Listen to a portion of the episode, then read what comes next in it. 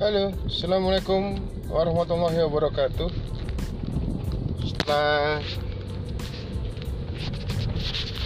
lama tidak berjumpa dengan saya Semenjak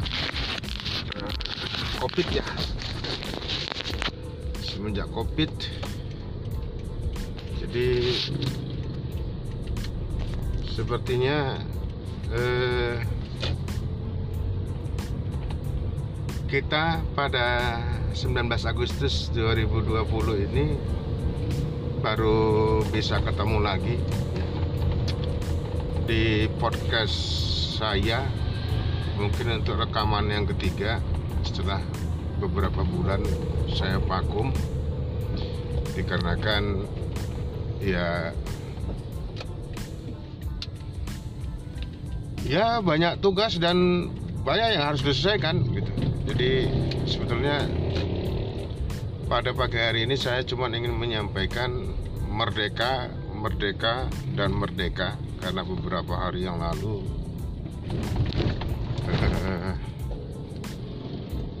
Tepatnya tanggal 17 Agustus 2020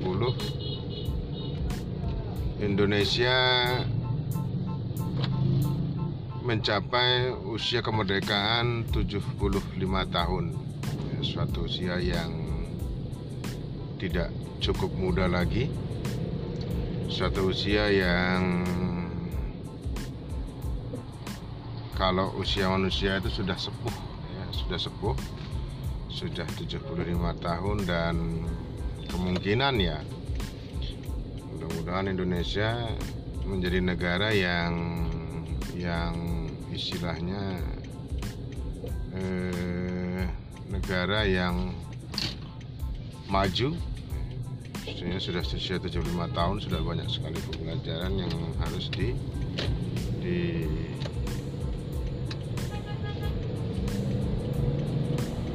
dikerjakan oleh bangsa Indonesia ini. Untuk itu Indonesia bukan lagi mengaji negara berkembang tapi sudah menjadi negara maju.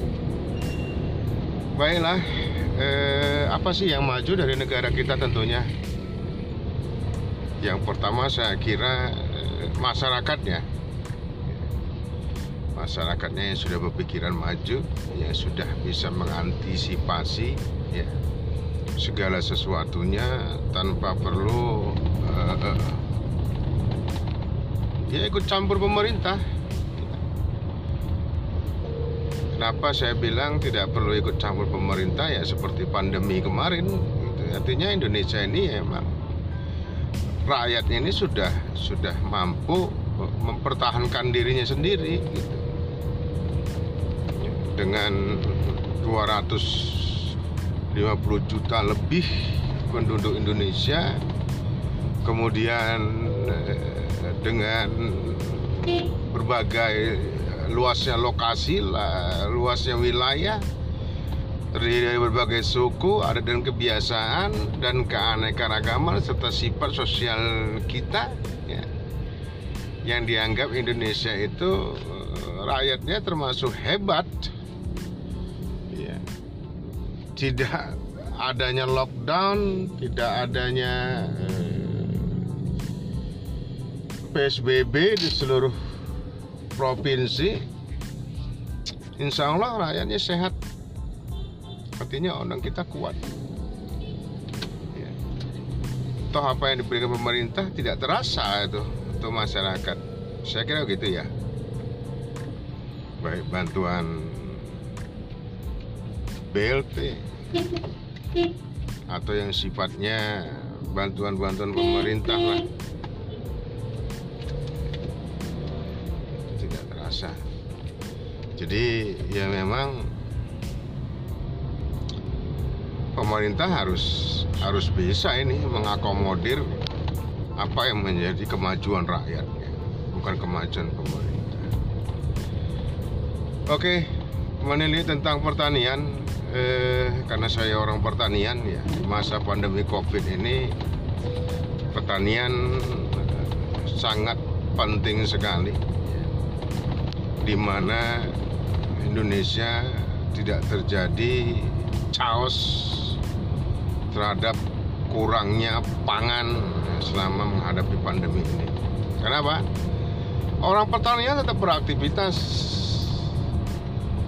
Mereka tanam sayur, mereka tanam padi, mereka tanam buah-buahan, mereka rawat, mereka petik hasil dan aktivitasnya tidak tidak terganggu oleh Covid. Karena bagi mereka ya kalau saya tidak mengerjakannya ya saya makan dari mana dan some people said uh, that uh, COVID is very very bullshit. Saya nggak tahu. Justru di orang tingkat desa, di tingkat masyarakat awam, di grassroots, masyarakat pada bilang bahwasanya ya corona popo iki covid. Corona ini nggak ada masalah. Jadi mereka sehat akhirnya mereka bisa beraktivitas. Ya panen lah kita. Ya. di saat pemerintah butuh beras untuk rakyatnya kita sanggup saat pemerintah eh, butuh sayuran buah-buahan lokal semua petani sanggup.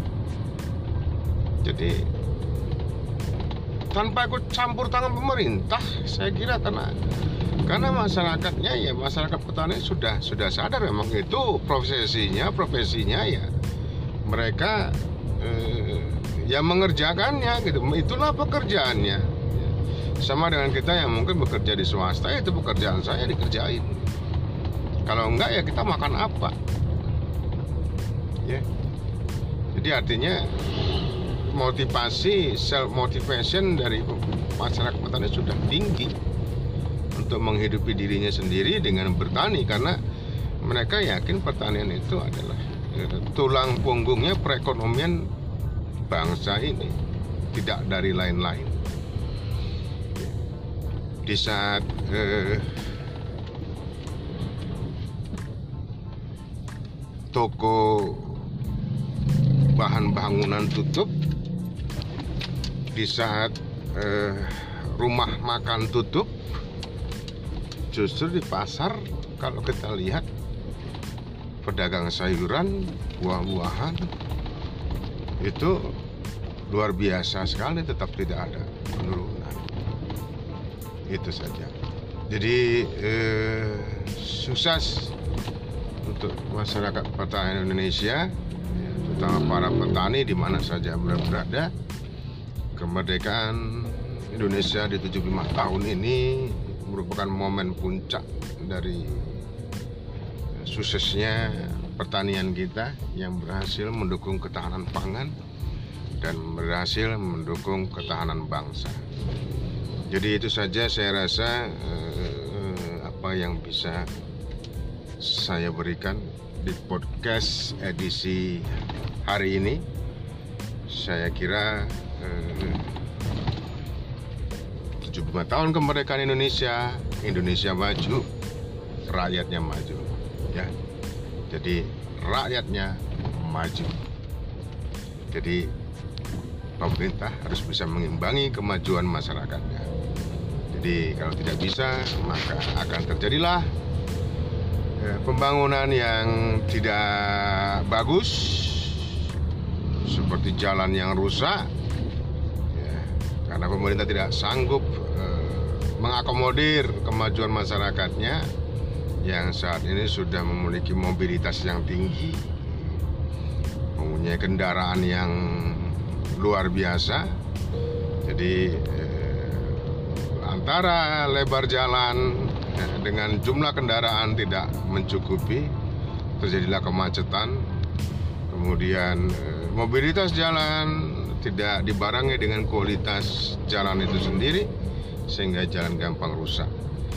Jadi tol tetap jalan pembangunannya tapi pembangunan jalan yang digunakan oleh masyarakat kecil ya yang pengguna sepeda motor, beca, angkot ya. Itu rusak bos. Rusak. Banyak rusak. Ya begitulah. Eh that's my country. Itulah Indonesia. Dan itulah negara yang kita cintai. Dari Lubuk Pakam Deli Serdang Sumatera Utara menuju ya dari pekerjaan di lokasi kantor ke Percobaan Pasar Miring saya hasil mengucapkan selamat pagi selamat beraktivitas. Mudah-mudahan apa yang kita kerjakan hari ini memberi manfaat bagi orang lain dan menjadi amal ibadah bagi kita semuanya. Demikian saja sampai jumpa di podcast berikutnya di podcast berikutnya. Dari saya Assalamualaikum warahmatullahi wabarakatuh